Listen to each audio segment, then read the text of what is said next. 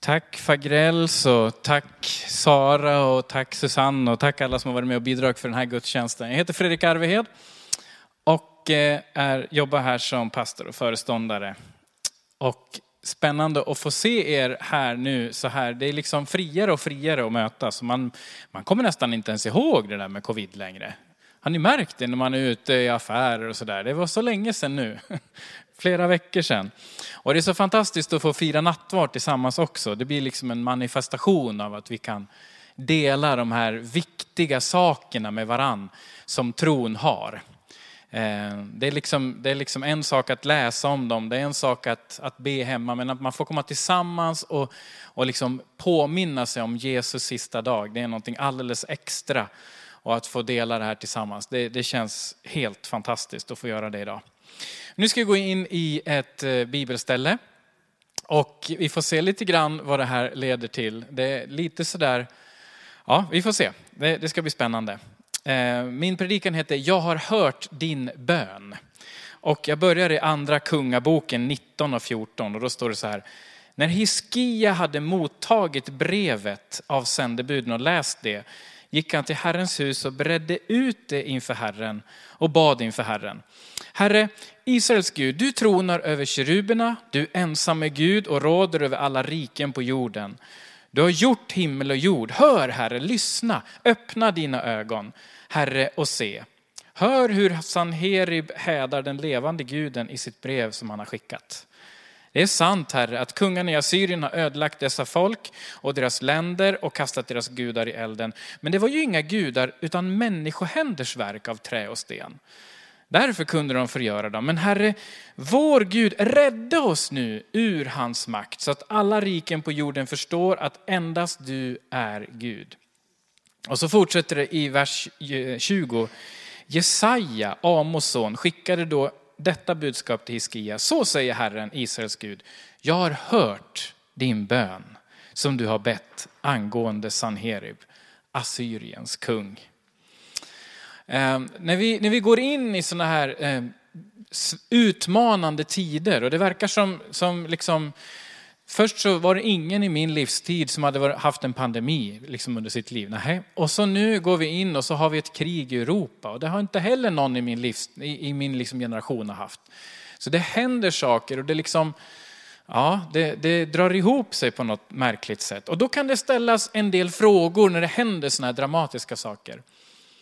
Finns Gud? Kan någon fråga sig. Finns verkligen Gud? Och om Gud finns, är det en kärleksfull Gud? Är det en Gud som, som, som, som liksom, alltså det händer sådana saker så man kan undra om Gud har makt. Vad är det här för en Gud? Och jag tror att Gud finns. Jag har prövat och sett att det fungerar. Jag ser att det, det finns en, en, en fundament i livet. Det finns ett, ett golv att stå på som aldrig ger vika. Det finns en, liksom som en bergsklippa, en, någonting som aldrig sviker. Det kan kännas liksom både i känslorna otroligt jobbigt emellanåt. Eh, det kan finnas saker som händer, det kan vara sjukdomar, det kan vara grejer som händer. Men jag har, jag när jag prövar så ser jag att det, det håller att tro. Det finns en vila i, en stor vila i att tro på Gud och lita på Gud. Så för mig så, så, finns det ingen fundering. Jag tror att Gud finns. Men då, då kan man undra så här, den Gud jag tror på, har han den högsta makten? Eller är det bara en av många olika liksom, andliga krafter och jag tänker tillbaks, liksom, nu är det här också ganska långt innan min, min tid. Jag tänker på det här landet som vi är i, i Sverige, så fanns det en tid när vi hade många gudar att förhålla oss till. Du var inte heller levande då min vän. Men, men det var, jag tänker på Oden, jag tänker på Tor, jag tänker på Frej, Frigg, Freja, Loke. Det var en hel hoper i det här landet som människorna var tvungna att liksom ha någon slags, okej okay, nu inför skörden, vem ska jag offra till? Vem ska jag vända mig till för att det här ska fungera? Nu inför båtfärden dit och dit och ska ut och göra affärer, vem ska jag då liksom försöka ha någon slags eh, eh, blidka. Vem ska jag? Och så fanns det en hel hoper med, med gudar och de där gudarna i de här berättelserna, de var ju inte heller sams. Utan de lurade varann hela dagarna och försökte liksom hitta på hyss för varann och för att vara den största. Och det var liksom, var det besvärligt i människornas rike med krig och makt, så var det lika jobbigt i, i gudarnas rike. Och hur då människor skulle förhålla sig. Inte lätt. Och det finns i de här systemen fortfarande när det gäller religion. Jag tänker på hinduerna som har tusentals gudar och liksom förhålla sig till och försöka bestämma sig för vem ska jag offra till, vem ska jag försöka blidka. Men även idag i Sverige, alltså vi flyttar ju nu fram då ett antal hundra år här, så har vi också nyandliga krafter som många människor vänder sig till för att må lite bättre. För att det ska kännas lite bättre och få lite kraft och lite styrka. Men alla de här krafterna och, och andliga makterna, vem av dem ska man liksom vända sig till? Hur ska jag kunna få det här att fungera i mitt liv och vilken kurs ska jag gå? Vilken, vilken, vilka pengar ska jag lägga på för att liksom bli mer uppfylld av detta? Och väldigt mycket av eh, det man nämner om är ju att det liksom är en själv som styr allt detta. Men det finns ju andliga krafter i det här som, som, som det är inte lätt att hitta rätt. Men för dig min vän som vill tro på en Gud så vill jag bara gratulera. Jesus Kristus är Gud och är vägen, den enda sanna vägen till livet. Det är min fullständiga övertygelse. Och det, det, är det som ger mig trygghet. Jag kan gå till en Gud, jag kan gå och Jesus Kristus har öppnat den vägen för mig. Han har gjort allt klart så jag kan komma hela vägen fram. Och det här ger stabilitet. Jag måste inte vända mig till en massa olika saker. Men, men då frågar du i alla fall, men hur kan det då komma sig, om det finns en Gud och som jag påstår har den högsta makten, den största makten som, har, som är över allting. Hur kan han tillåta att det blir invasion i Ukraina? Hur kan han tillåta att, att barn inte får mat för dagen? Hur kan, han till, hur kan det vara en god Gud? Hur kan du påstå det? Och det här är en evig fråga på ett plan, men ett argument för att det fortfarande finns en Gud som är god och som har all makt, som du och jag kan gå till, det är att han också har skapat dig och mig med fri vilja. Och han har skapat världsledarna med en fri vilja. Han har gett oss, kan man tycka, alldeles för stort förtroende. Vi människor har fått ett otroligt stort förtroende. Han har, gett, han har skapat jorden och sagt ta hand om det här. Jag sätter er som, som sådana som ska ta hand om hela jorden. Och vi misslyckas gång på gång på gång. Men i den, det misslyckandet som vi som mänsklighet gör så kommer Gud återigen på gång efter gång efter gång. Och trots att han gett oss den fria viljan så har han också öppnat en väg för oss att i den fria viljan acceptera Jesus Kristus i våra liv. Gud har gett oss ett stort ansvar men vet du vad som är så fantastiskt? Gud hör din bön. Om du nu kan ha kontakt med den högsta, den största, det, det som, du kan inte hitta någon general på denna jord med kärnvapen eller vad du vill som har högre makt, utan Gud har den högsta makten. Det är så min bibel beskriver Gud. Och när det ser som tuffast ut, när det ser som svårast ut, då är min övertygelse att Gud verkligen kan och vill gripa in. Den här berättelsen som jag började i, det här var kung Hiskias tid. Nu flyttar vi tillbaks i tiden. Vi flyttar till ungefär år 700 före våran tidräkning, före Kristus. Och vi är i Judeen, vi är närmare bestämt i den staden som är väldigt känd som heter Jerusalem. Och Assyrien hade liksom ett sånt där, en sån där kampanj. Det var, inte, det var inte precis så att om folk frågar dig, hur kan det ha så mycket krig i Gamla Testamentet? Ja, då kan du ju öppna vilken annan historiebok som helst om den här tiden. Det var krig hela tiden. Om vi tycker att det är jobbigt att det är krig idag, så titta tillbaks. Alltså, mänsklighetens historia har inte varit kantad av rosor och, och liksom fridsamhet. Utan det är som att ja, jag vet inte vad det är, men, men det är någonting i vårt eget ego som, som liksom hela tiden begär mer makt, mer land, mer rikedomar, mer inflytande.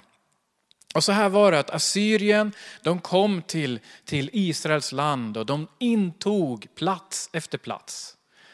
Eh, och det här är intressant för att det är inte bara i Bibeln det står om det här, utan det är även, har man hittat i Nineve, så har man hittat bland annat Sanheribs prisma, en, en liksom en, där han skrev ner och skröt över sina vinster i krig hit och dit. Och det finns ett, ett rum eh, i palatset som han hade där han helt liksom berättade om hur han tog sig in i vissa judiska städer. Och han hade kommit in i 46 städer. Han hade liksom intagit landet väldigt mycket. Och han hade kommit in i en stad som heter Lakish. Och där hade han byggt en jordvall och det finns tydligen rester av den här jordvallen kvar än idag. Byggt en jordvall och börjat på, ja, på olika sätt eh, se till att de fick det besvärligt där inne helt enkelt. Och det sägs att det var en så besvärlig belägring av Lakish att pilarna som kom ut därifrån efter ett tag, de hade inga metallspetsar utan spetsarna var gjorda av ben. Men sen så kommer det då ett likadant hot mot Jerusalem, huvudstaden. Och precis som det är idag med hur det är i Ukraina så är det liksom huvudstaden det, det slutar med. Det börjar och slutar där. Ska man inta ett land så ska man tydligen ta huvudstaden. Och här har vi, har vi kung Hiskia, han, han får ett brev från Sanherib där han liksom, ja, påstår en massa saker och tycker att de ska ge upp. Och så tar han det här brevet och breder ut det inför Gud. Och tänk vad bra det är när du och jag får besvärligheter i våra liv.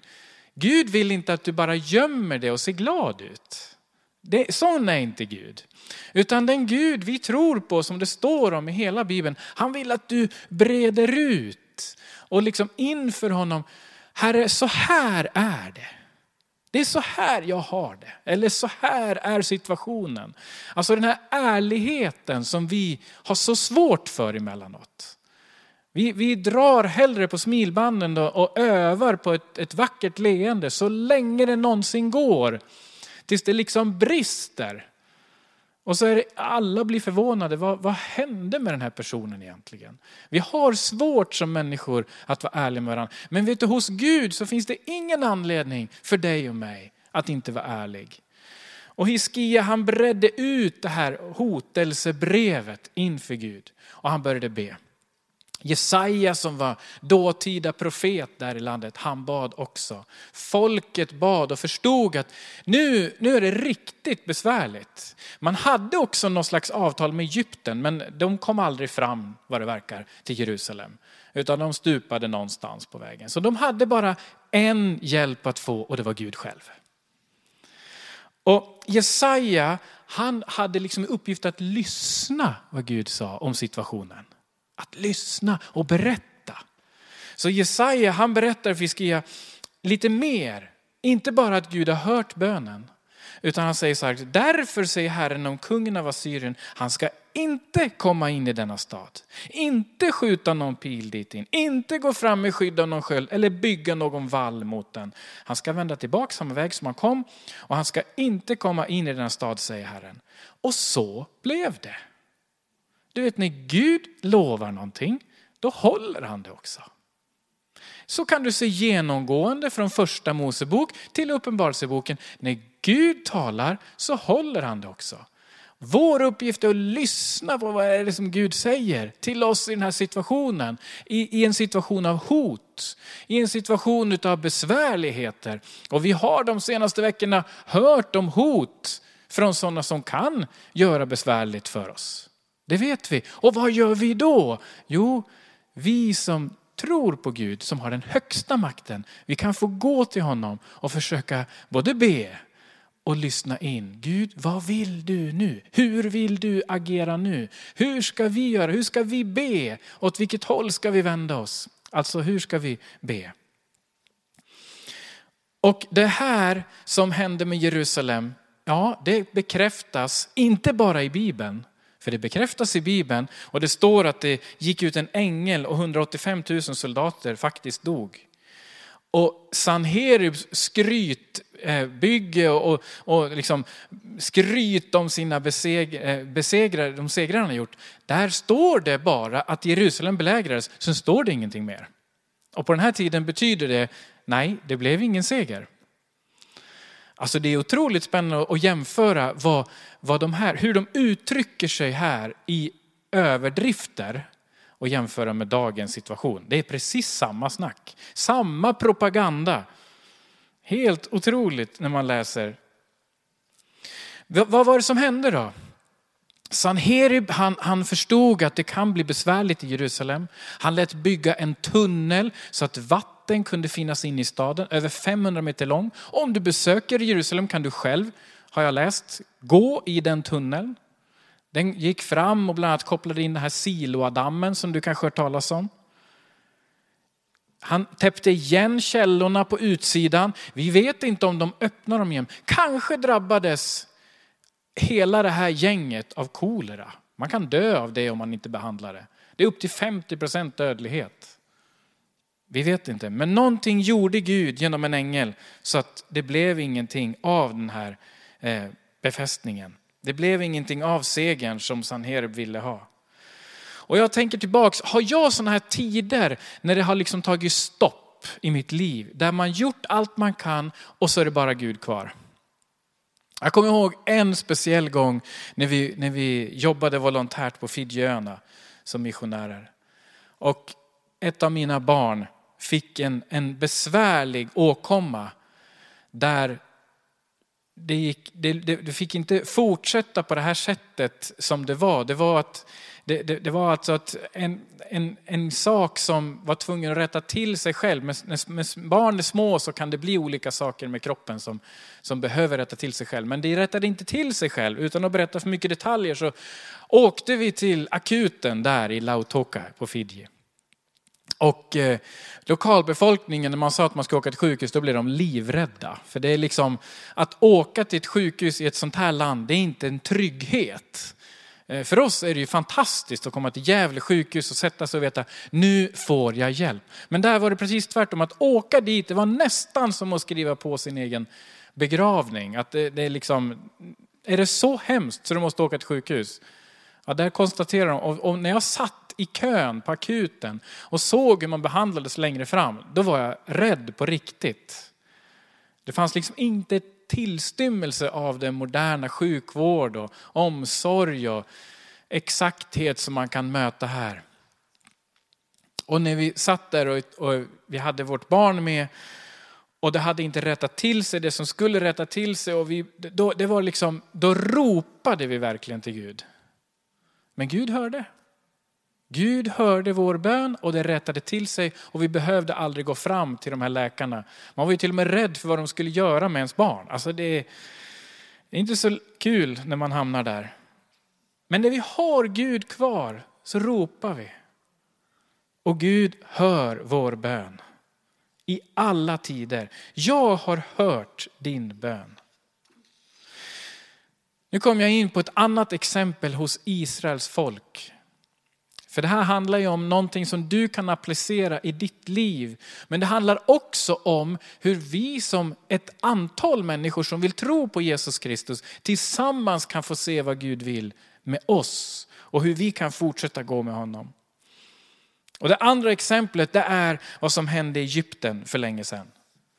Det här är ett av de här äh, defining moments för Israel. Uttåget ur Egypten. Att slippa att vara slavar och göra lertegel och liksom bara finnas underkastade av en annan makt.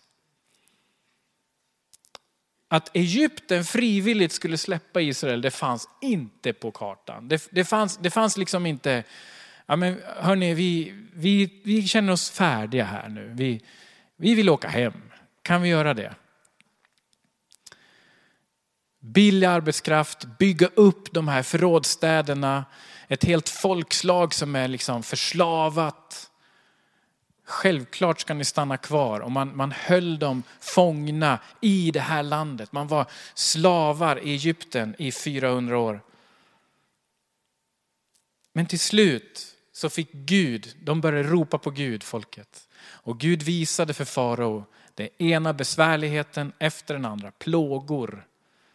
Och till slut så blev det så att, att de förstfödda i alla familjerna dog en natt. Och Israels folk fick instruktioner, ni ska offra och ni ska bestryka dörrposterna så, så kommer det inte att hända någonting. Men så ska ni vara beredda den natten. Ni ska, ni, ska, ni ska äta det här som ni ska äta nu med hast. Därför att Gud kommer att gå förbi er dörr. Och så var det den första påsken. Och sen dess så, så har man firat påsken hos Israels folk. Därför att man, man liksom undgick den här domen som gick över det landet. Och, och, man har firat det här och det har varit en av de största måltiderna man som en Israel kommer. Man kommer tillsammans med sin familj. Man, man har ett antal saker som händer i den där måltiden. Det skulle vara väldigt intressant att få med på en sån måltid någon gång. Man har ett antal eh, vinbägare som ska drickas, helgelsens bägare, vredens bägare, välsignelsens bägare, rikets bägare. Ett antal som ska, som ska drickas och man ska komma ihåg. Och så ska man tydligen luta sig åt vänster, därför att det visar att man är en fri person. Man är i frihet. Jag har aldrig gjort det där, men, men det låter roligt. Sitta där och vingla lite grann. Och, och så ska man äta vissa bittra örter för att komma ihåg det här förtrycket man hade. Och så har man, har man firat den här måltiden, seder heter den. Och, och man har gjort det år efter år för man kommer ihåg att vem var det som räddade oss? Vem var det som tog oss ut ur slaveriet och gav oss friheten? Jo, det var Gud själv. Och vi måste fira det här år efter år efter år. Befrielsen från förtrycket. Men så går det in i när vi kommer fram bort mot Jesus så har det kommit nya förtryckare. Ni hör temat liksom. Det kommer hela tiden nya stolligheter och utmaningar därför att människor har så svårt att låta bli och kränka varandra. Romarriket har kommit in och förtrycker landet. Och så börjar man längta så att det blir mer och mer prägel på den här måltiden. Snart kommer Jesus, snart kommer Messias, snart kommer befriaren. Och Gud upprepar, jag har hört din bön. Jag har hört din bön. Så nu så vill jag gå in i att vi också ska få vara med där. Därför att du kan ha din utmaning, du kan ha din utmaning där bara Gud kan göra en förändring i ditt liv. Jag satt och läste lite grann på Jesus.nu, en hemsida med massor av livsberättelser. Den ena efter den andra som har haft utmaningar i sitt liv och till slut så var det bara till Gud man kunde vända sig. Det är liksom genomgående i de här berättelserna. Men, men mitt liv, ja men okej, okay, jag vänder mig till Gud. Och vi har beställt en 500 stycken böcker nu som Mission International och Roger Arnfelt har satt samman med sådana här livsberättelser. Och om du vill vara med och dela det här, jag tänker framförallt inför påsken, för påsken närmar sig min vän. Och då ska du och jag få vara med och fira att han har besegrat allt som kan binda människor på denna jord. Allt. Den sanna och stora inre befrielsen är möjlig därför att Jesus har dött på ett kors och lever idag. Och de här berättelserna är sammansatta i en bok som är beställt 500 stycken. Och vill du vara med och dela med din granne en sån bok så, så kom sen till oss så kan du vara med och köpa loss några böcker. Det är väldigt billigt pris. Jag tror de kostar 9 kronor styck. Och så kan vi vara med och dela ut till ett antal här. Tar det slut så får vi se till att beställa hem fler. Just de här berättelserna om hur människor har kommit till en bortre gräns i sina liv. Och så finns det inte mer att ta till mer än Gud. Men Gud hör våra böner. Gud hör din bön. Och när vi kommer fram i Jesu tid så är det dags också för honom och lärjungarna att just fira påsken. Just bryta brödet, just det här att luta sig åt vänster eller hur det såg ut just då. Men, men, och så gör Jesus någonting annat.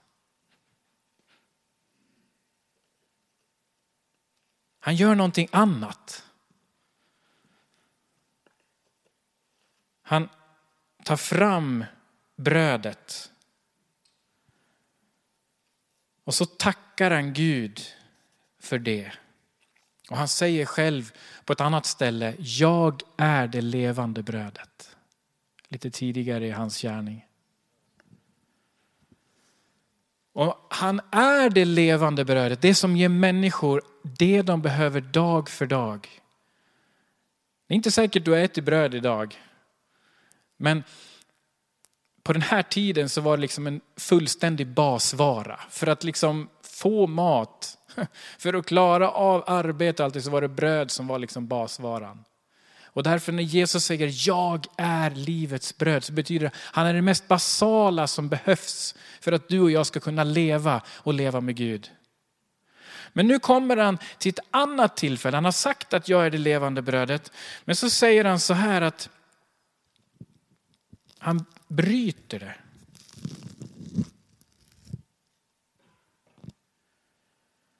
Och så säger han, ta detta och ät, för det är min kropp. Och det blir ganska dramatiskt om Jesus är ett levande bröd. Och så bryts det. Vad händer då med Jesus?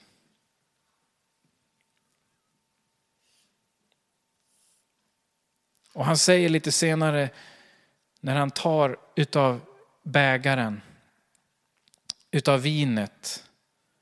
Drick av det allihopa, för detta är mitt blod, förbundsblodet, som ska utgjutas för många till syndernas förlåtelse. Alltså han kliver in i den uråldriga måltiden, där det fanns olika bägare, och han tar välsignelsens bägare. Och plötsligt så säger han, det här är mitt blod. Det här är mitt liv. Det här är något som jag vill ge till er. Och det visar på hur det dagen efter skulle gå med Jesu eget liv. Han är så medveten om att hans liv skulle brytas ner till liv för många. Till liv för dig. Till liv för mig. Därför att Gud hör din bön.